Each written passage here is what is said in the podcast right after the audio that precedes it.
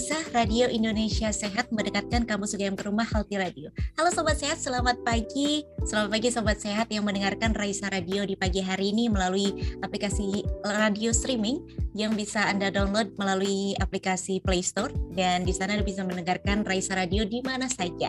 Dan juga selamat pagi Sobat Sehat yang berada di Zoom dan juga di website dan jumpa lagi pagi hari ini bersama dengan saya Galuh dalam acara Bincang-Bincang Santai. Pagi hari ini seger banget ya Sobat Sehat karena dari kemarin hujan gitu. Jadi kita bisa merasakan kesegarannya pagi hari ini dan tentunya kita bisa mencium juga aroma tanah yang diguyur air hujan. Itu seger banget ya atau biasa kita sebut dengan petrikor. Namun Sobat Sehat kalau kita memiliki gangguan hidung sepertinya tidak bisa merasakan kenikmatan aroma dari petrikor itu. Nah, pagi hari ini Sobat Sehat kita akan membahas bagaimana uh, kita meningkatkan kesadaran kesehatan hidung dan kenapa sih penting. Pagi hari ini bersama dengan Raisa Radio selama satu jam ke depan akan membahas mengenai hal itu nih Sobat Sehat bersama dengan narasumber kami yang luar biasa yang telah hadir pada pagi hari ini. Ada Dr. Agus Rono, Master of Science, spesialis THTKL. Beliau merupakan dosen Departemen Ilmu Kesehatan THTKL FKKMK UGM dan pada pagi hari ini akan ditemani oleh Dr. Monik Alamanda, PPDS Departemen Ilmu Kesehatan THTKL FKKMK UGM. Sobat sehat yang nanti mau bertanya langsung silahkan dituliskan di kolom chat atau nanti dikirimkan saja atau resen juga boleh. Oke, langsung saja baik kepada Dokter Moni kami persilahkan. Baik, terima kasih Mbak Galuh pertama-tama sudah diberi kesempatan pada pagi hari ini untuk bisa berbincang-bincang santai. Selamat pagi dan salam sejahtera untuk kita semua. Saya Dr. Monik Alamanda selaku residen telinga hidung tenggorok kepala leher FKKMK UGM. Bersama saya pada pagi hari ini narasumber kita guru saya juga selaku Kepala Departemen Telinga Hidung Tenggorok Kepala Leher FKKMK UGM, Dr. Agus Surono, PhD Master of Science, spesialis telinga hidung telinga hidung tenggorok kepala leher konsultan. Jadi pada pagi hari ini kita akan berbincang-bincang mengenai kesehatan hidung uh, seperti yang sudah dikatakan tadi oleh Mbak Galuh, untuk pendengar yang sedang mendengarkan secara live bisa langsung bertanya melalui websitenya atau lewat chat Zoom. Nah, tadi sudah disinggung sedikit juga oleh Mbak Galuh bahwa hidung ini itu penting untuk bernafas, untuk kita bisa mencium bau-bauan seperti itu. Nah, kalau misalnya terjadi masalah, tentu rasanya sangat tidak nyaman. Nah, sementara yang sedang kita tahu bahwa hidung itu sering menjadi sumber penyakit Misalnya, pilek yang paling sering. Meskipun kayaknya ringan, seringnya bersifat ringan, tapi aktivitas dan kegiatan sehari-hari biasanya jadi sangat terganggu. Lalu ada juga dua tahun terakhir ini kita mengalami pandemi COVID-19 dan salah satu gejalanya yang paling sering dominan dibicarakan dan paling sering kena pasien adalah penurunan penghidu atau tidak bisa membau. Nah, melihatnya banyak penyakit yang bisa timbul dari area hidung, penting sekali agar kita bisa mengerti bagaimana cara merawatnya. Tanpa berlama-lama lagi, langsung kita tanya-tanya ke ahlinya. Selamat pagi, Dokter Agus. Ya, selamat pagi. Assalamualaikum warahmatullahi wabarakatuh. Salam sehat untuk kita semua. Bagaimana kabarnya pagi ini, dokter? Alhamdulillah sehat, masih dikaruniai kehidupan pagi ini. Oke. Oke, Dok, terkait dengan kesehatan hidung, sebelum masuk ke bagaimana merawat hidung, sebenarnya fungsi hidung itu apa? Apakah hanya tempat lewatnya udara atau ada fungsi-fungsi lain, dokter? Ya, terima kasih Dokter Monik. Selamat pagi buat semuanya. Jadi ini suatu kesempatan yang bagus untuk berbagi ilmu ya. Jadi hidung itu didesain sama Tuhan itu banyak fungsinya. Yang pertama adalah fungsi respirasi atau fungsi pernafasan. Jadi itulah manfaatnya kenapa kita punya hidung. Apa pun bentuknya, fungsi itu tidak akan berubah, yaitu satu fungsi respirasi atau pernafasan. Yang kedua adalah fungsi penghidu. Ya, kalau orang bilang sebagian penciuman, sebenarnya lebih tepat ke penghidu. Ya, bagaimana kita bisa membedakan berbagai macam bau-bauan itu adalah karena sensor yang ada di dalam hidung. Yang ketiga adalah fungsi proteksi. ya di mana hidung mempunyai sistem cairan kemudian rambut-rambut yang lembut kecil gunanya untuk memproteksi tidak semua kotoran tidak semua eh, zat-zat uh, gas yang menguap bisa terhirup langsung masuk paru. Jadi ada barrier. Jadi sebelum gas itu masuk ke paru itu ada barrier. Ya proteksi yang berikutnya adalah dia sebagai sistem uh, menjaga kelembaban Maksudnya apa? Supaya udara yang masuk ke paru-paru melalui hidung itu selain punya proses screening juga hangat. Karena tubuh kita itu kan hangat, tubuh kita itu kan suhunya sekitar 32 sampai 37. Ya, kalau ada sesuatu yang masuk sesuai dengan suhu tubuh, maka akan mudah apa melakukan suatu organisasi biologik ya atau biolog, atau sistem biologis pada tubuh kita ya gas bisa masuk dengan paru-paru sampai paru-paru ada proses transport atau difusi ya antara gas dengan pembuluh darah yang di paru kemudian dibawa ke jantung dari jantung disebar ke seluruh tubuh jadi ada fungsi penghangat di situ. Itu kenapa kalau kita misalnya kita musim dingin atau pas ada suhu dingin di sekitar kita, hidung kita cenderung sembab atau agak tersumbat. Karena sistem pembuluh darah yang di hidung itu berusaha untuk mengaliri darah yang lebih banyak sehingga lebih hangat sehingga udara yang masuk itu jadi lebih hangat. Itulah pada suhu yang panas maka kita lebih plong karena udara bisa leluasa masuk ke tubuh karena sudah sesuai dengan uh, sistem suhu yang ada di tubuh. Nah, yang terakhir adalah sering kita apa? sering kita lalaikan adalah fungsi resonansi. Jadi itu bagian dari suara ya. Suara itu kan ada satu sumber. Jadi kalau kita bersuara itu pasti harus paru-parunya bagus. Mengeluarkan energi dari paru, bukan menghirup. Kalau menghirup kita mengambil udara tapi mengeluarkan. Itu adalah fungsi energi utama. Yang kedua adalah vibrator, yaitu ada di pita suara. Jadi suara saya ada yang lembut, ada yang seperti Mbak Galuh, ada seperti Dr. Moni. Tentu yang membedakan adalah eh, kapasitas dari pita suara dan itu perlu dilatih. Makanya ada orang yang punya bakat suara bagus, ada orang yang perlu latihan untuk mendapatkan suara yang bagus. Yang terakhir adalah resonansi. Jadi harus ada energi yang, yang apa yang harus dikeluarkan, kemudian ada vibrasi dari pita suara dan resonansi. Nah, resonansi itu mulai dari atas pita suara, rongga tenggorok kita, kemudian sampai ke hidung dan sinus paranasal. Sehingga kalau beberapa pasien misalnya datang ke klinik THT dengan suara yang agak berubah, bagi yang sudah pengalaman akan tahu nih letaknya di mana nih masalahnya. Apakah di hidung, apakah di belakang hidung, atau di daerah rongga mulut. Nah, fungsi itulah yang didesain untuk Tuhan bahwa hidung itu tidak hanya sebagai kosmetik, tapi mempunyai fungsi yang luhur. Nanti kan Dr. Moni akan diskusi lagi lebih dalam eh, implementasinya dalam beberapa penyakitnya. Jadi itulah fungsi utama dari hidung. Ya. Dan uh, saya punya satu poin ya sebelum kita nanti uh, bicara tentang penyakit bahwa kita tuh mempunyai sistem homeostasis ya, atau keseimbangan. Bagaimana hidung itu bisa memproteksi diri sendiri. Kita punya ya apa pun background penyakit kita kita punya. Nah itu harus kita bangkitkan. Ya, okay. begitu dokter Moni mungkin di awal. Oke. Okay. Uh, terima kasih dokter. Berarti fungsi hidung ini bukan cuma sekedar untuk bernafas, bukan untuk sekedar menghidu, yeah. tapi ada fungsi proteksi juga ya dok. Yeah. Dan ada sedikit kosmetik juga tadi dokter sebut-sebut.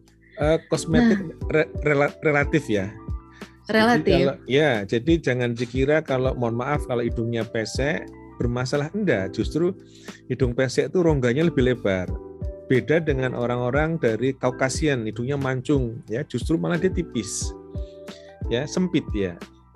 Jadi tidak sekedar kosmetik ya tapi lebih ke arah fungsional. Nah di THT itu kalau apa pun tindakan lebih ke arah fungsional. Kalau ke estetika nah nanti kita akan lari ke bedah plastik atau ke kulit kelamin itu beda lagi. Suatu divisi yang berbeda. Oh. itu mungkin dokter Monik ya. Fungsional kalau utamanya. kita Ya. Orang Asia justru lebih lapang ya dok ya? Iya, dia lebih lapang. Makanya jangan rendah hati kalau pesek. Biasanya rongga dalamnya tuh lebar, ya kan? Wah, terima kasih dokter. Soalnya, ah, iya. iya, saya juga uh, rada ada kurang mancung dokter. Jadi saya ya. juga lebih lapang berarti ya dok ya. Iya. Uh, nah, berhubungan dengan juga uh, bentuk hidung. Kalau pada anak-anak kan hidungnya juga lebih kecil. Dan apakah ada masalah-masalah yang khusus terjadi pada kelompok-kelompok anak, dokter? Ya secara general anak itu kan kita bagi ya dari mulai dia bayi, kemudian dia di bawah lima tahun, kemudian 5 sampai 12 tahun, 12 sampai 18 dan sampai dewasa. Nah, anak itu tumbuh kembangnya cepat sekali. Ya. Jadi kembali ke, ke fungsi. Secara general fungsi itu tidak akan berubah, tetap sama. Yang jadi masalah dia punya faktor lain tidak yang mengganggu. Contoh yang paling sering adalah variasi anatomi. Contoh yang paling ekstrim ya, kita contoh ekstrim ya. Mohon maaf misalnya orang dengan celah langit-langit atau sebut dengan cleft palate. Itu pasti akan terganggu resonansinya ya. Orang dengan gangguan pada anatomi hidung dalamnya maksud saya bukan pada luarnya. Misalnya ada sekat hidung ini yang agak bengkok maka ada hambatan dia dalam bernafas. Berikutnya lagi adalah perkembangan dari alergi di mana orang itu menjadi hipersensitif terhadap paparan yang masuk alergen ya yang terbanyak kan misalnya debu, kemudian tungau, serpian kulit manusia baik dia sendiri maupun orang lain sehingga sering menjadi masalah yaitu hidung menjadi mudah tersumbat, kemudian orang bilang meler cair ya, kemudian sering bersin. Nah, kejadian seperti itulah yang menyebabkan respirasi atau fungsi pernafasan lewat hidung terganggu dampaknya enggak sekarang. Ini tolong mohon diperhatikan kepada Bapak Ibu yang masih muda atau yang masih mau mendesain punya putra, termasuk dokter Monik ini. Perhatikan ya, fungsi yang ada di hidung terhadap tubuh kita itu dampaknya kadang-kadang tidak saat ini. Tapi 20-30 tahun kemudian. Contoh yang paling nyata adalah kejadian radang di tenggorok yang lama Apalagi di paru, di paru itu untuk menjadi sakit itu perlu proses yang panjang. Tapi kalau dari awal sudah kita inisiasi, kita awali dengan sesuatu yang tidak baik, maka fungsi paru akan mudah berkurang. Dampaknya enggak sekarang, tapi 20-30 tahun kemudian. Terus ada lagi yang sering kita keliru ya, kita anggap pasien ini alergi karena pilek terus. Kemudian ternyata apa? Di belakang hidung itu ada adenoid adenoid itu bagian dari amandel kita. Jadi kalau amandel itu kan banyak. Itu kenapa Tuhan itu sudah mendesain proteksi dalam rongga mulut kita saat kita kecil itu sangat luar biasa ya. Ada banyak amandel. Nah orang awam taunya amandel yang ada di rongga mulut.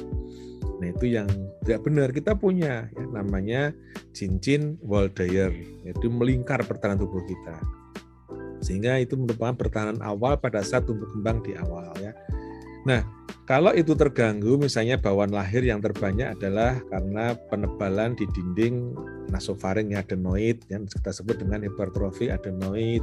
Kemudian tonsil yang membesar bisa juga diakibatkan karena genetik. Dari lahir memang dia sudah besar. Biasanya orang tuanya salah satu atau keduanya juga punya riwayat yang sama.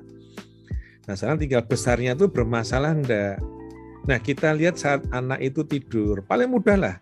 Paling mudah anak itu saat tidur kita lihat. Saat tidur nafasnya menggunakan hidung atau menggunakan mulut. Ngowoh kalau orang Jawa bilang itu ngowoh ya. Nah, kalau sering menggunakan mulut harus kita perhatikan ada apa masalah di hidung.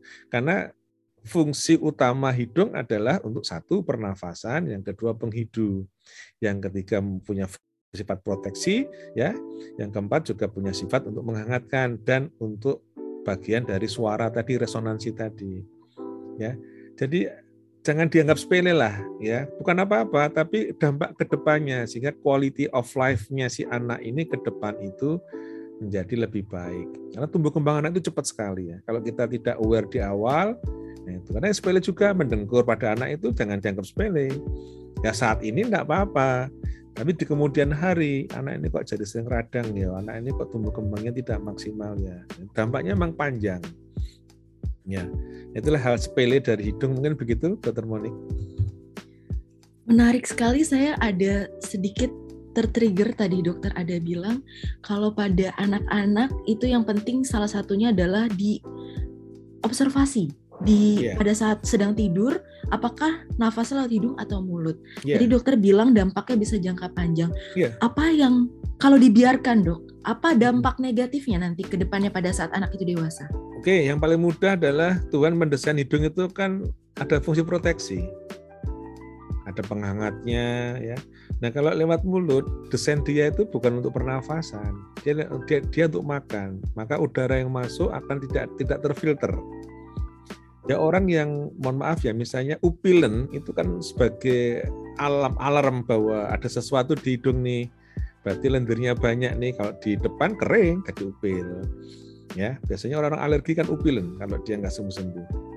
Nah kalau oksigen yang masuk ke paru-paru tidak lewat jalan yang benar tidak ada proteksinya tidak ada penghangatnya otomatis fungsi paru kan jadi tidak maksimal. Ya kan sudah mohon maaf ya misalnya mager, males gerak, sudah jarang olahraga, ada faktor risiko sejak kecil nafasnya pakai mulut. Bagaimana bisa menganggap bahwa paru kita baik? Makanya ya kita hubungan sedikit lah. Kejadian COVID ini kan banyak pembelajaran bagi saya. Kenapa ada orang yang kena COVID bertahan, ada orang yang kena COVID cepat meninggal, ada orang yang masih memberikan gejala yang sisa itu kan dampak nggak mungkin tiba-tiba gitu loh pasti ada proses. Kalau paru kita kuat seberapa pun virus yang masuk kita masih punya proteksi pertahanan diri. Jadi paling gampang gini Tuhan itu mendesain sel-sel paru itu tidak semuanya kita pakai. Kita kasih kita itu dikasih cadangan sama sama sama Tuhan. Jadi tidak semuanya kita kita pakai sehingga kalau ada yang rusak dalam dunia molekuler itu ada mekanisme kompensasi. Ya jadi yang rusak biarkan rusak, yang masih cadangan kita gunakan untuk perbaikan. Jadi ada fungsi repairing atau perbaikan sendiri sel-sel itu, tapi juga ada mekanisme kompensasi. Nah kalau kompensasi ini kita pakai dari awal, saat kita membutuhkan betul nanti di kemudian hari setelah dewasa, ya nggak kuat. Nanti nggak kuat-kuatan antara penyakitnya yang masuk dengan paru-paru kita.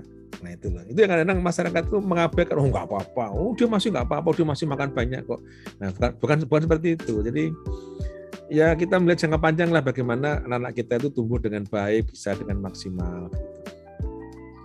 Jadi harus kita cegah sebelum justru sudah terjadi dampak negatifnya ya dok ya. Iya makanya dunia medis itu sebenarnya lebih ke arah preventif ya, bukan kuratif. Nah, nah kita yang kadang-kadang tiru Uh, paling mudah begini, ini saya sering membuat candaan pada orang-orang tua maupun keluarga pasiennya. Kita punya motor di servis rutin itu fungsinya apa?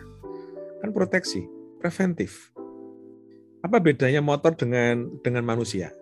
Manusia itu sakit dulu baru diperiksa. Nah, lebih mulia mana motor sama manusia? Sepele kan? Harus kita rawat juga ya, Dok, hidung kita ya.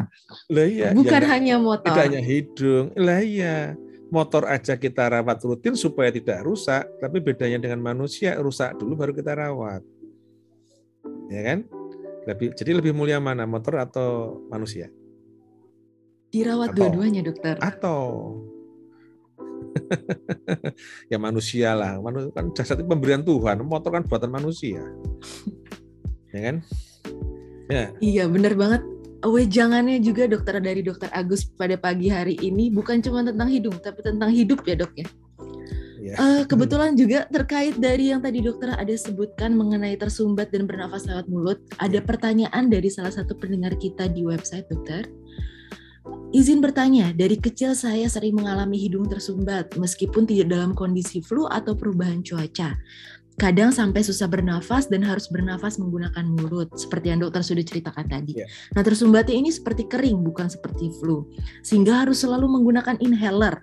Bagaimana cara mengatasinya gitu, dokter? Yeah, dokter. Se ya, sebelum kita terapi harus kita pastikan dulu uh, sumbatannya karena apa, ya.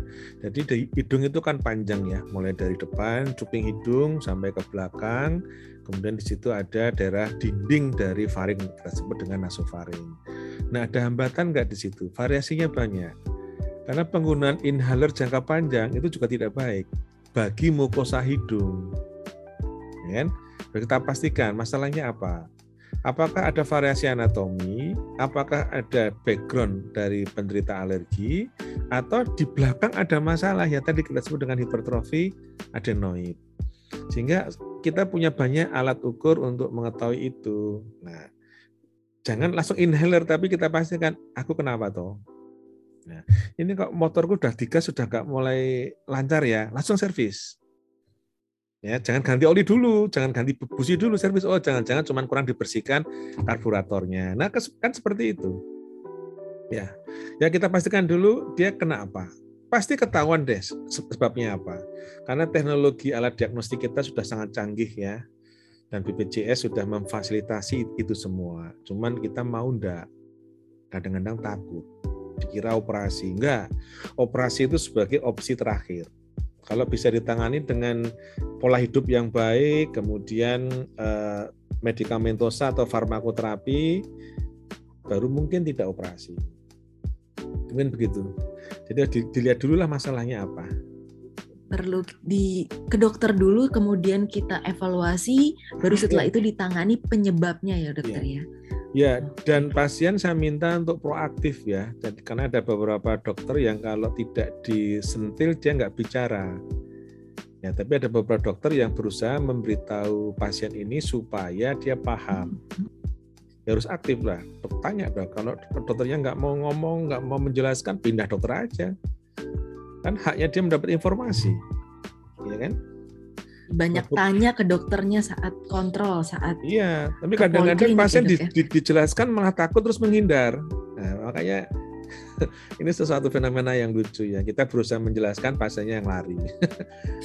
dokternya diam pasiennya pengen tahu terus nah, ya pokoknya kalau prinsip saya adalah setelah dia keluar dari ruang praktek dia harus paham apa yang terjadi pada diri diri dia mungkin sedikit pembelajaran ya dokter Monik kebetulan ada beberapa sahabat awam yang memedis di sini adalah di dalam family medicine itu ada konsep dasar yang kita sebut dengan share decision making orang sering sering beranggapan bahwa itu hanya berbagi keputusan itu bukan yang penting adalah ada hak di antara masing-masing. Kita berbagian itu di hak.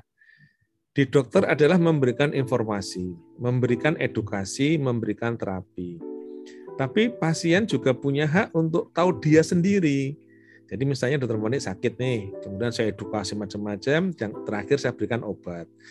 Eh, dokter Monik, tolong makannya yang baik, kemudian istirahatnya yang cukup. Nah, ini obat diminum sehari tiga kali setelah makan ya. Saya selesai hak saya selesai. Nah sekarang menjadi haknya dokter Moni untuk mengimplementasikan apa yang saya sampaikan. Nah, kejadian yang paling sering adalah begitu sampai di rumah, saya nggak peduli lagi dengan apa yang ada atau yang sampaikan dari tadi. Saya makannya tidak teratur, saya istirahatnya juga kurang cukup, saya minum obatnya juga nggak teratur, ya kan?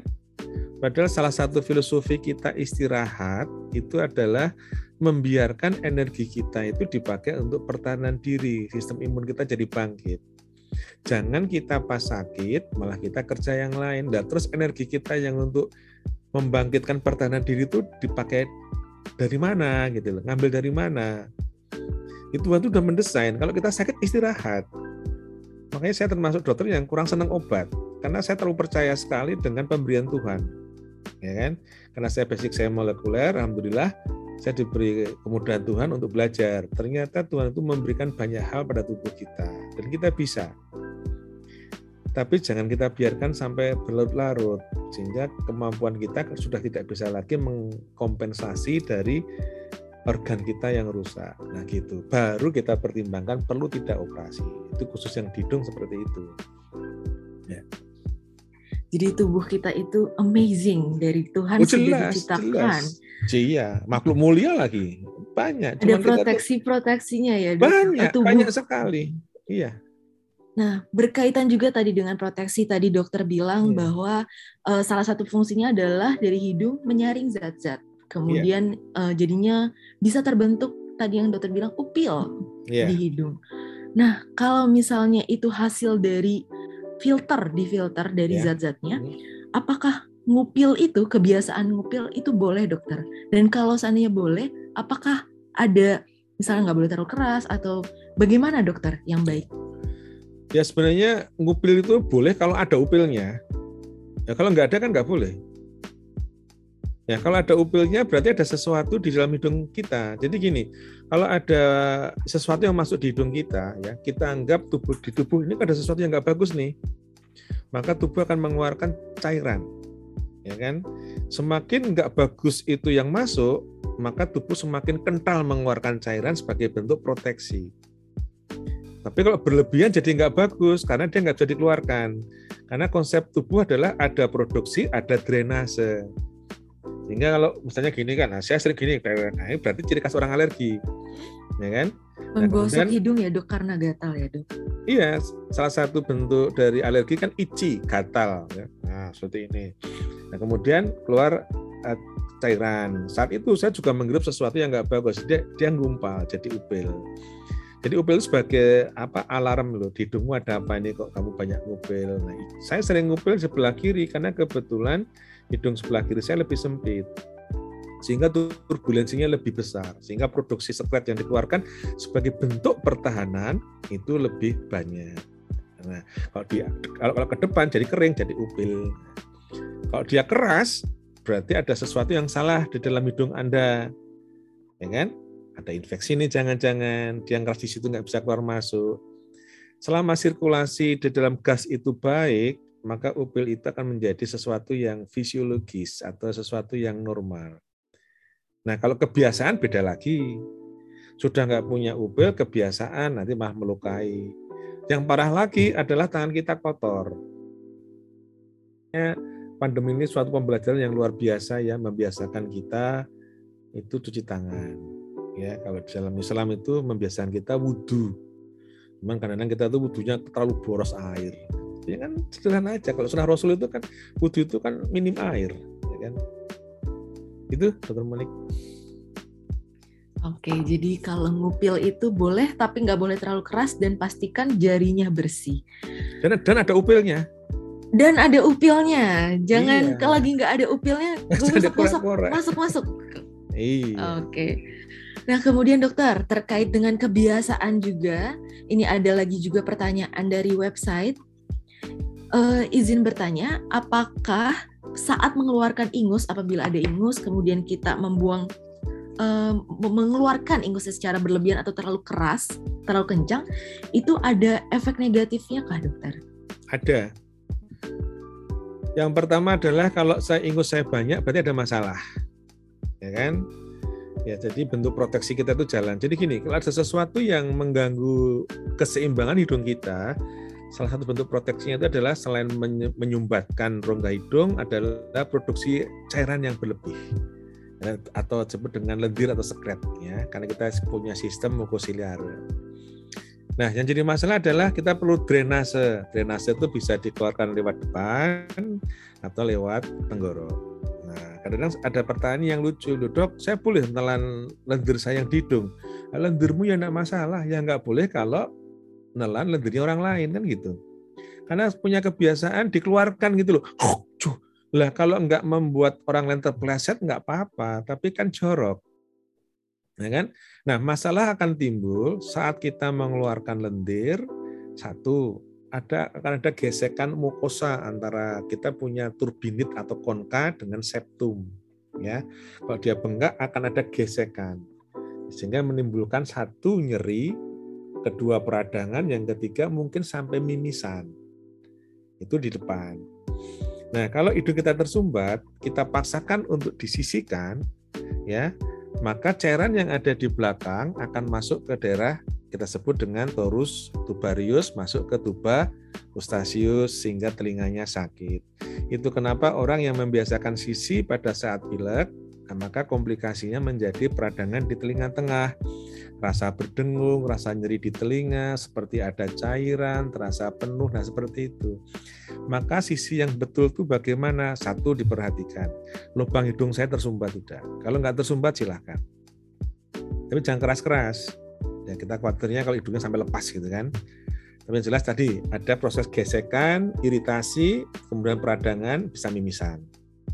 Nah, kalau hidung kita itu tersumbat, ada lendir yang di dalam nggak bisa dikeluarkan, maka kita tutup misalnya hidung kiri saya ya, yang misalnya eh, tersumbat ada lendirnya, tutup ke kanan. Kita hirup, kita sedot supaya dia masuk tenggorok. ya. Kemudian kita minum air putih supaya dia masuk ke dalam lambung. Dan di lambung itu semua kuman yang ada di rongga mulut hidung kita akan dibantai sama asap. Itu proteksi juga loh ya. Jadi jangan dikira, lo nanti kalau infeksinya di hidung jadi infeksi di lambung. Ya enggak. Kuman yang ada di rongga hidung sama tenggorok kita masuk ke lambung, habis dia. Pembantaian oleh asam-asam lambung. Ya, nah seperti itu. Nah, kalau lendirnya banyak, yang jadi masalah adalah kita jadi tidak bisa bernafas lewat hidung, sehingga lewat mulut. Nah, itulah yang jadi masalah. Maka perlu drainase. Ya, sisi boleh tapi ada caranya. Nanti mungkin Dokter Moni akan pernah nanti akan cerita ya salah satu fungsi dari irigasi ya. Irigasi hidung. Ya? Irigasi. Ya? Cuci nah, hidung ya, Dok? Cuci hidung, iya. Oh iya, cuci hidung. Uh, dokter, ini ada beberapa pertanyaan terkait dari uh, eh, COVID-19 karena kan uh, dua tahun terakhir ini kita masih belum bisa kembali ke aktivitas normal, jadi masih banyak yang menanyakan juga ini mengenai COVID-19. Nah, uh, salah satu yang ditanyakan adalah karena kita kan sekarang wajib nih dok untuk pakai masker ke mana-mana. Apakah ada dampaknya dari penggunaan masker ini ke hidung? Apakah uh, dengan memakai masker terus misalnya ada gangguan hidung yang perlu kita waspadai, dokter? Ya, terima kasih. Uh, setiap barang yang kita pakai itu pasti ada umurnya. Ya, demikian juga dengan masker mungkin tidak hanya masalah masker ya. Jadi kalau saya seorang pekerja yang terpapar banyak hal di lapangan, maka penggunaan masker saya tentu beda dengan orang yang di rumah. Tentu penggunaan masker saya berbeda dengan orang yang bekerja di rumah sakit yang sering terpapar oleh pasien. Tentu masker saya di rumah sakit berbeda antara saya bekerja di lab di lingkungan, misalnya saya uh, kurang bersih dengan orang yang langsung berhadapan dengan pasien yang sakit, yang infeksius. Tentu berbeda lagi kalau kita menggunakan masker dengan orang-orang yang berhadapan yang tidak infeksius, misalnya di cuci darah, ya. Tentu berbeda. Nah, setiap masker itu ada usianya. Pada kondisi normal ada rekomendasi sekitar penggunaan 4 sampai 6 jam. Ya. Maka kalau kita di medis ya standarnya adalah masker medis yang tiga lapis itu sudah cukup di ya sebenarnya. Nah, maka ini kan debat debatable ini kalau kita diskusi masalah masker bisa sampai satu minggu nggak akan pernah selesai. Ya, tapi kita berpikir singkat satu. Saya itu kerja di mana? Kalau saya di rumah mungkin dengan lingkungan yang bagus mungkin masker kita bisa tahan lama penggunaannya atau bahkan mungkin kita nggak perlu pakai masker nggak ada yang saya hadapi di rumah saya di kantor, harus saya harus lihat kantor itu ada sirkulasi tidak. Karena konsep pada pandemi itu yang yang sangat saya pelajari adalah sirkulasi udara. Selama ada sirkulasi udara bagus, kalau di ruangan ada AC, mesti ada exhaust. Maka setiap eh, bangunan yang bagus harus ada exhaust. Lihat semua rumah sakit pasti ada exhaustnya. Nah, beberapa kantor tuh tidak ada exhaustnya sehingga sirkulasinya buruk. Ya, Contohnya adalah debu yang nempel di meja, kemudian di almari, kemudian ada AC yang di situ, maka udara itu akan berputar di dalam ruangan. Yang tadinya debunya di atas almari dan meja nempel di masker saya. Kebetulan saya pas pengen minum, maka nempel di hidung saya. Nah seperti itu. Nah orang yang mempunyai risiko tinggi ya berhadapan dengan paparan yang sangat luar biasa, maka maskernya harus berlapis lebih banyak lagi. Di WHO sebenarnya lima lapis itu sudah cukup. Kita nggak perlu double-double. Apalagi kalau kita menggunakan N95, ya. Cuman N95 juga hati-hati. Anda mau sampai berapa lama? Anda aktivitas tinggi, fungsi respirasi atau fungsi pernafasan cepat, maka penggunaan terlalu lama juga akan membahayakan. Oksigen yang masuk tentu terfilter ya kemudian gas yang keluar juga akan di daerah rongga tersebut. Jadi filtering ini kadang-kadang yang harus kita perhatikan. Maka yang bagus kan filternya itu ada makanya tidak boleh masker itu 100% kita nggak bisa bernafas. Filternya sampai 95% itu. Jadi tetap kita anggap aku tuh kerja di mana? Aku berhadapan dengan siapa? Ya, jangan kita lebay, kita nggak ada siapa-siapa, sirkulasi bagus, kita pakai yang 95. Nah, itu kan berlebihan. Ya kan? Nah itu. Oke, jadi disesuaikan Tapi, dengan tempatnya. Iya, iya. Penggunaan masker itu. Iya. Jadi Oke. jangan sampai mengganggu satu fungsi sirkulasi, fungsi kehangatan di hidung. Nah itu loh. Ya. Oke. Okay. Penting biar udaranya masih tetap masuk dan tapi terfilternya sesuai dengan yeah. kebutuhan. Yeah. Seperti itu ya dokter. Yeah. Dan terkait lagi juga dokter dengan COVID-19. Akhir-akhir ini juga mulai banyak marak ini mengenai cuci hidung. Yeah. Nah katanya cuci hidung ini bisa mencegah COVID-19. Sebenarnya apa itu cuci hidung dok? Ya kalau di tradisional namanya gurah ya. Jadi gurah. Jadi kita memberikan cairan di hidung gunanya membantu fungsi mukosiliare. Membantu membersihkan kotoran-kotoran yang di hidung. Banyak caranya. Ya nanti di YouTube itu sudah ada beberapa cara penggunaan cuci hidung ya, model yang pakai plastik botol kecap, ada yang sudah dimodifikasi, bahkan kita sudah punya hak paten eh, Dr. Lucy bersama teman-teman yang penelitian di batik di Lendah sana menggunakan batok kelapa yang kita desain sehingga lebih menarik di hidung. Nanti di YouTube itu banyak. Fungsinya adalah membantu fungsi mukosilare supaya hidung kita bersih sehingga oksigen yang masuk bagus, sirkulasi udaranya bagus, fungsi penghidungnya juga bagus. Nah itu. Nah mau berapa lama diberikan cuci hidung? Ya Anda butuh enggak cuci hidung? Kalau saya misalnya senang olahraga, sirkulasi udara saya bagus, tubuh saya bagus, ya mungkin saya nggak perlu cuci hidung. Gitu loh. Prinsipnya jangan sesuatu itu berlebihan lah kuncinya di situ. Ya. Kalau saya bermasalah, lendir saya banyak, nggak bisa dikeluarkan, cuci hidung, membantu tugas mukosilare. Karena kalau lendirnya banyak, mukosilare itu berat tugasnya. Padahal konsep kita adalah harus ada drainase. Jadi lendir yang kental, kalau tidak kita encerkan, kan nggak bisa masuk. Tidak bisa kita hirup, tidak bisa kita keluarkan. Nah, di situlah gunanya irigasi nasal yang namanya kan kerennya kan nasal irrigation atau kita cuci hidung itu gunanya adalah untuk membantu lendir yang kental tadi dikeluarkan supaya fungsi respirasi kita baik ya itu Oke, wah menarik sekali. Tadi ada yang dengan batok kelapa. Ini saya baru juga baru pertama kali dengar menggunakan batok kelapa. Jadi sebenarnya metodenya banyak sekali ya dokter. Banyak sekali, ya. Nah, kalau cairan yang dipakai untuk cuci hidung, ap, seperti apa dokter? Apakah boleh pakai air keran atau air minum atau ada cairan khusus dokter? Uh, sebenarnya menyesuaikan dengan hidung kita itu butuhnya apa tuh? Yang paling mudah adalah larutan fisiologis. Ya, larutan fisiologis yaitu misalnya dengan penggunaan NaCl 0,95% itu paling mudah. Nah, kalau kita yakin bahwa air kran itu bersih, it's okay gitu loh. Tapi kalau enggak ya jangan. Nah, terus bagaimana ya kita cek di lab di lab di beberapa lab mengatakan uh, air keran itu baik. Nah, prinsipnya yang kita masukkan itu yang bersih memang tugasnya untuk membersihkan. Jangan memberikan air yang kalau digurah mungkin pakai dicapu-capu dulu ya supaya lebih heboh gitu kan. Kemudian dimasukkan kan supaya orang percaya aja sih sebenarnya. Ya prinsipnya adalah dengan air yang bersih. Ya, mau, mau pakai okay. NaCl lebih bagus, air bersih yakin bahwa itu air bersih itu tidak masalah karena hanya untuk mencuci. Ya. NaCl ini uh, cairan infus, dokter. Iya. Bisa dibeli di nah, mana saja, dok? Nah di, di masyarakat sering dianggap ada air dikasih larutan garam, diaduk. Oh. Ya kan? Itu, itu boleh nggak, dok? Versi murah. Yang jadi masalah kita tahu nggak konsentrasinya. Yang kita okay. butuhkan mungkin larutan fisiologis. Ya kan? Kalau lendirnya kental, kita butuh lebih pekat. Nah, cuman kalau kita ngaduk pakai garam itu takarannya benar enggak? Kan kita nggak bisa melihat takarannya. Kalau berlebihan kan jadi iritasi hidungnya. Okay. Ya kan? Kalau saya pakai konvensional saja, pakai selama kita yakin itu airnya bersih, ya tidak masalah. Oh, tugasnya ya untuk membilas, sehingga fungsi utamanya jalan lagi. Ya. Uh, tadi dokter ada sempat menyebutkan kalau misalnya uh, rajin olahraga, kemudian kebiasaan hidupnya sehat itu belum tentu membutuhkan cuci hidung. Yeah. Apakah ada kelompok-kelompok tertentu yang butuh cuci hidung secara rutin, dokter? Kebetulan ada, ya, ini ada juga yang nanya nih, dokter. Yeah. Iya. Uh, belum pernah sama sekali dengar tentang cuci hidung, masih yeah. bingung apakah harus cuci hidung. Iya. Yeah. Satu adalah orang-orang yang memang uh, ada masalah di hidung biasanya kita sebut dengan rhinosinusitis ya itu Kemudian yang kedua orang dengan alergi yang berat.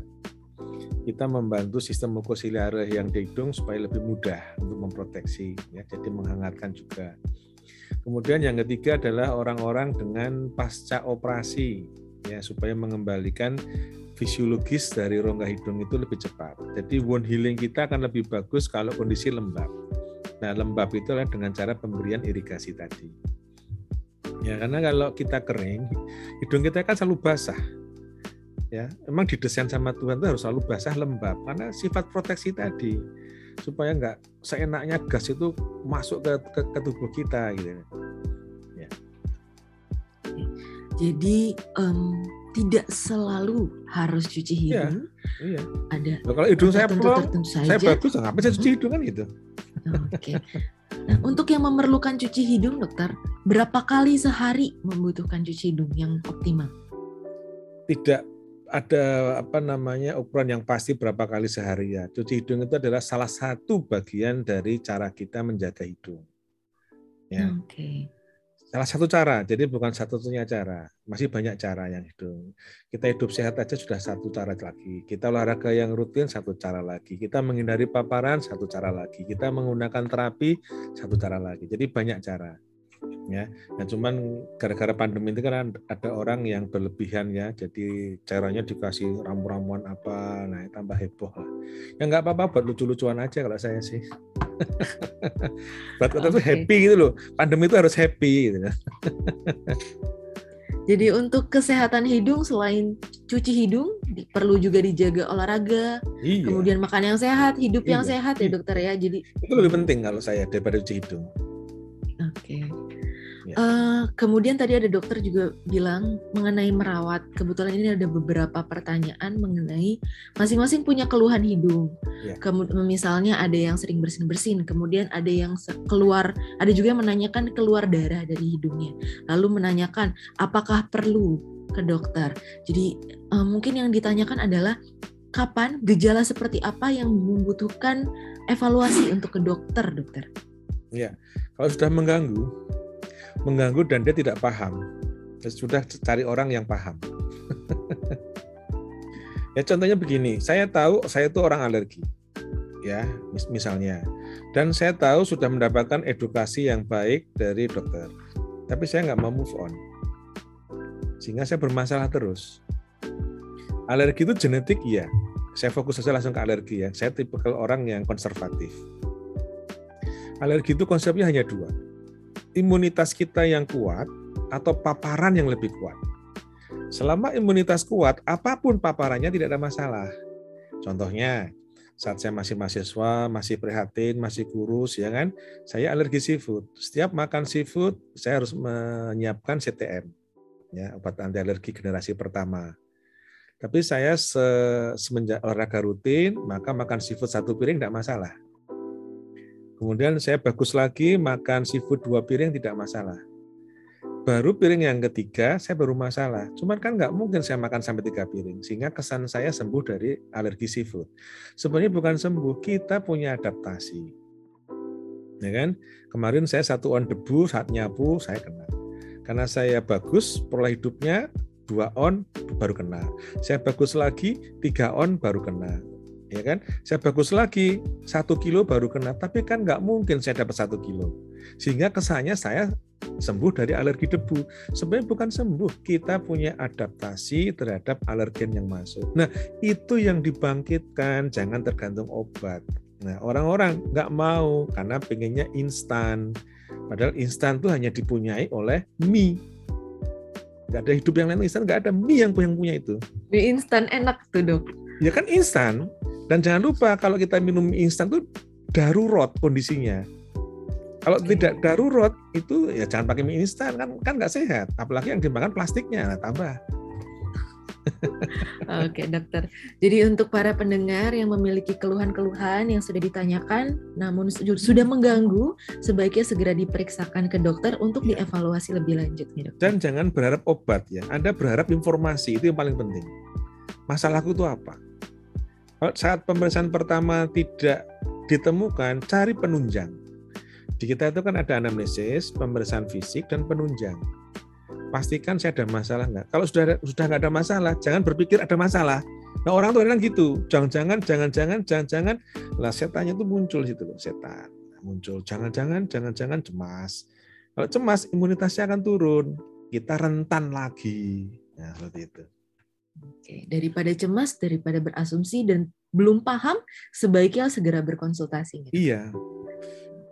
Makanya banyak peserta dokter shopping itu kan karena tidak percaya dengan dirinya sendiri. Tidak percaya dengan dirinya sendiri, dokter? Iya, saya merasa sakit. Diberitahu, hmm. ada nggak apa-apa, saya nggak terima, saya tuh sakit ya. Nah, gitu. Ya, sebenarnya masalah dia sendiri. Oke, siap dokter. Berarti ya. kalau ada yang bermasalah tidak mengerti segera konsultasi ke dokter. Ya. Oke. Uh, dokter boleh kembali lagi sedikit ke yang sebelumnya tadi ada dokter menyinggung mengenai uh, program sadar sehat hidung. Saya ada dengar juga dari bagian THT di Dusun Pembatik Serga. Boleh diceritakan sedikit dokter ini tuh apa sih dokter? Ya, jadi itu adalah bentuk sebenarnya bukan hanya THT ya, di sana ada banyak divisi keilmuan atau disiplin ilmu keilmuan yang memang ingin membina desa binaan di sana. Jadi itu program dari FKKMK dalam rangka pengabdian masyarakat. Nah, yang belum terjangkau kesehatan adalah para usaha industri informal, yaitu pembatik. Kenapa? Sejak zaman Dr. Hasto menjadi bupati, beliau itu memberdayakan semua potensi yang ada di eh, Kulon Progo. Sehingga yang dulu batik itu hanya ada dua tiga sentra, sekarang jadi meludak. Yang jadi masalah mereka asal industri tapi tidak paham dengan kesehatan. Dan di situlah kita membuat uh, desa binaan. Kebetulan dari THT waktu itu diwakili oleh Dr. Lucy. Ya. Salah satunya adalah dampak dari uap saat kita membatik. Karena membatik itu kan dekat sekali dia, ya. Ini misalnya batiknya, kemudian ini cantingnya, kemudian akan terhirup, ya kan? Nah dampaknya tidak sekarang, tapi di kemudian hari, karena yang kita hirup adalah gas-gas yang dari eh, malam tadi, ya belum dari malam yang dekat dengan kita, belum dari dampak di situ, dan kadang-kadang dia membatik itu di sekitarnya itu debu, karena kan industri informal, ya kan? Kadang-kadang juga di tempat ruangan yang tertutup, sirkulasinya buruk. Nah, maka ada dari promosi kesehatan, public health, ada dari divisi neuro ya, posisi apa posisi membatik yang benar supaya pegel-pegelnya jadi bisa berkurang. Teman-teman saraf itu banyak sekali usaha di sana. Dan di THT salah satunya adalah mendesain karena di sana kan banyak kelapa nih bagaimana kita mem, apa, membuat sistem irigasi hidung untuk mencegah kerusakan yang timbul akibat inhalasi yang sering kepada zat-zat batik tadi menjadi tidak bermasalah kepada mereka. Nah, karena sana banyak uh, pohon kelapa, mereka mereka membuat desain uh, Bulusi dan teman-temannya itu membuat desain uh, batok untuk irigasi. Ya, sehingga dikasih air yang yang hangat ya kemudian di, di diirigasikan kemudian dikeluarkan. Jadi untuk membilas supaya ya tadi mengembalikan fungsi fisiologis dari hidung sifatnya adalah preventif. Bukan kuratif tapi preventif dokter. Uh, berarti ini kurang lebih sama dengan yang tadi dokter sebutkan bahwa untuk cuci hidung itu penting untuk terutama kelompok-kelompok yang terpapar dengan yeah. polusi atau debu. Yeah. Nah, kebetulan pembatik ini kena dengan uap-uap yang tadi dokter iya. sebutkan. Yeah. Nah, jadi bisa juga dengan banyak hal batok kelapa juga bisa. Yang penting um, alat untuk memasukkan cairannya ke dalam yeah. hidung dan harus hangat ya dokter ya tadi dokter sebutkan. Sebenarnya kan matang ya air yang matang bukan langsung air yang dari tanah enggak tapi dipanasin dulu kemudian ya hangatnya itu sesuai dengan tubuh kita oh, sesuai dengan badan kita ya dok? Iya iya. Kita minum hangat itu kan tujuannya bukan karena tapi menyusahkan tenggorok kita. Terutama orang-orang yang radang kronis di tenggorok ini jangan minum dingin jangan minum panas. Ya konsepnya kan sederhana. Jangan kau sakiti lagi sesuatu yang sudah rusak. Ya kan? Yaitu lifestyle. Minumnya yang hangat, suhu ruangan. Jangan kau rusak dengan dingin.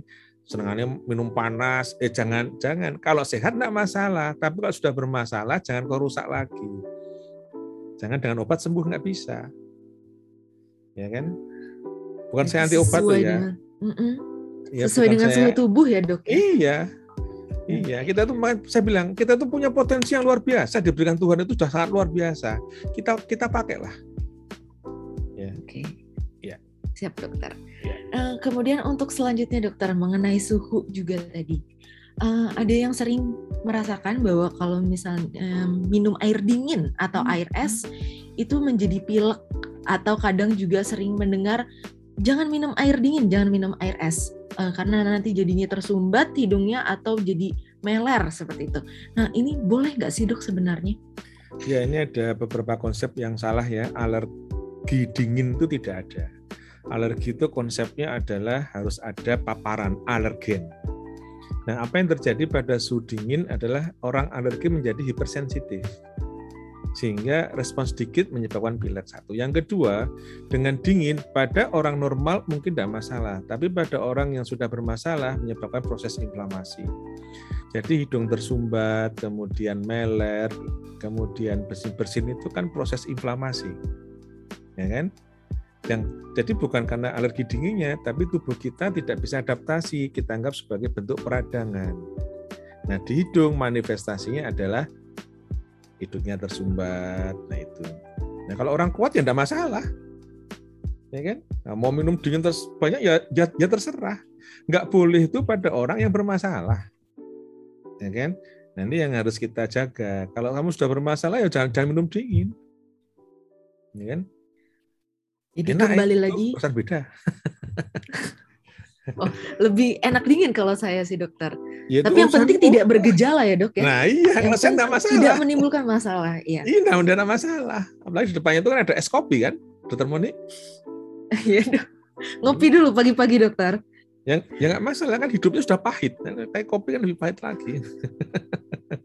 Gak apa-apa ya. Oke. Okay. Jadi yang kembali lagi ke masing-masing. Yeah. Apabila tidak menimbulkan masalah, hidupnya gaya hidupnya sehat, badannya sehat, silakan mau minum air dingin karena juga lebih enak.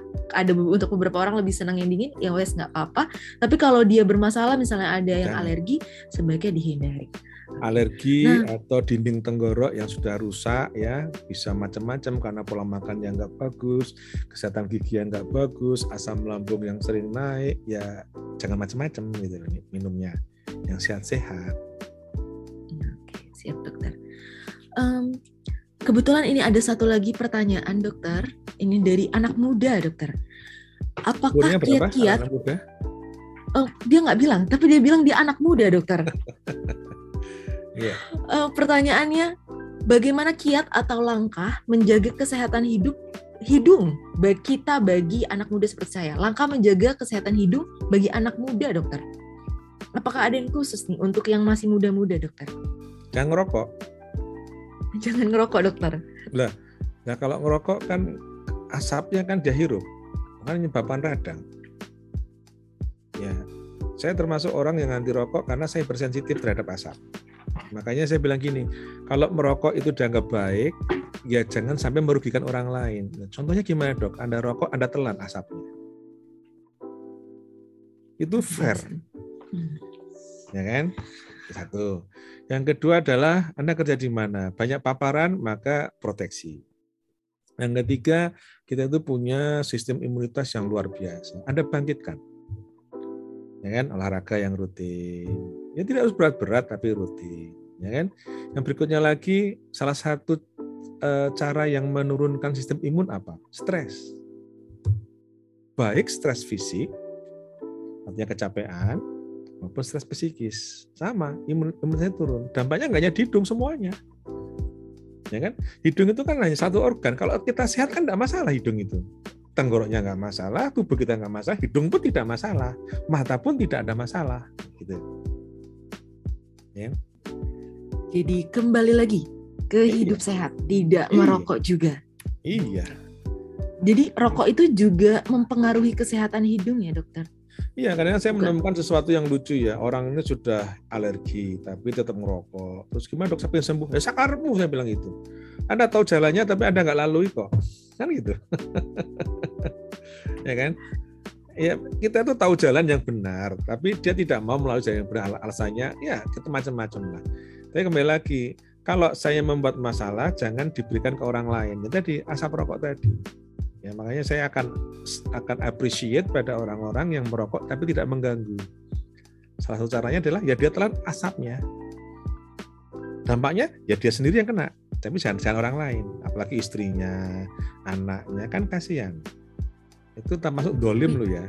Nah, itu. Lebih baik lagi tidak merokok ya dokter ya.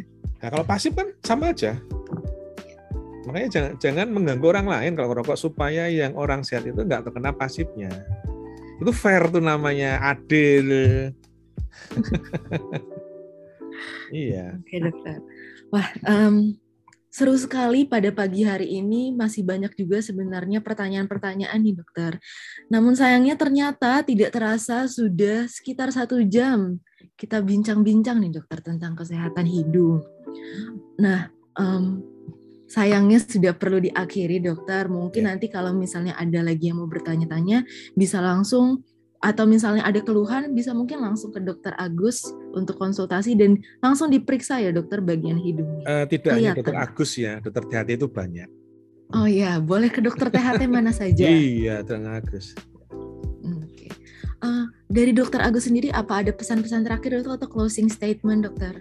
Ya, terima kasih ya. Kita itu kan makhluk beriman ya. Kita sudah diberikan banyak hal oleh Tuhan, maka kita manfaatkan dengan baik ya. Kita diberikan ilmu, kita diberikan kepandaian, kita gunakan dengan baik.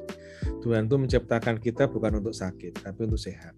Dan saya sebagai orang yang basicnya molekuler, tahu sekali bagaimana sel-sel tubuh kita itu memberikan kebaikan sama kita satu energi positif akan berkumpul semuanya menjadi sesuatu kekuatan yang luar biasa. Satu kerusakan akan digantikan oleh sel-sel yang lain yang lebih sehat. Itu mekanisme alami dan itu kita sebut dengan kudratullah. Ya. Jadi silakan manfaatkan tubuh kita dengan baik. Apa pun ikhtiar kita, kalau kita sakit paling tidak kita sudah berusaha. Demikian Dr. Manik. Terima kasih sekali Dokter Agus atas ilmunya pada pagi hari ini. Jadi coba saya rangkum yang dari Dokter Agus sebutkan pada pagi hari ini bahwa Tuhan itu menciptakan badan manusia itu sangat hebat, punya proteksi sendiri, punya imunitas yang tinggi. Jadi perlu kita jaga yang penting adalah gaya hidup yang sehat. Seperti itu. Terima kasih sekali lagi Dokter Agus sudah meluangkan waktunya. Oke. Terima kasih juga udah kepada Mbak Galuh dan seluruh tim Raisa yang telah mempersiapkan bincang-bincang santai pada pagi hari ini. Untuk waktu dan ruang saya kembalikan ke Mbak Galuh. Terima kasih Mbak Galuh. Baik, terima kasih banyak Dokter Agus dan juga Dokter Monik atas ilmunya pada pagi hari ini. Saya selalu Dokter. Terima kasih banyak, Matur sangat. Selamat melanjutkan aktivitas. Dan demikian Sobat Sehat, hari ini seru banget ya. Terima kasih banyak untuk Sobat Sehat yang memantau Raisa Radio mendengarkan melalui aplikasi radio streaming atau di website dan di Zoom. Pasti banyak sekali yang bisa kita dapatkan ya. Tadi jangan dari Dokter Agus, tadi banyak sekali. Terutama untuk mengingat bahwa tubuh kita ini merupakan anugerah dari Tuhan dan dan PR kita adalah bagaimana kita merawat gitu ya. Terima kasih banyak untuk hari ini Sobat Sehat dan untuk Sobat Sehat yang kebetulan di hari ini belum mendengarkan dari awal, Anda bisa mengakses kembali obrolan santai di pagi hari ini melalui podcastnya Raisa Radio yang bisa Anda akses melalui Spotify-nya Raisa Radio Indonesia Sehat. Terima kasih banyak, saya selalu Sobat Sehat. Saya Galuh mohon pamit undur diri. Mohon maaf apabila ada kesalahan pada saat acara berlangsung. Pamit dulu. Wassalamualaikum warahmatullahi wabarakatuh.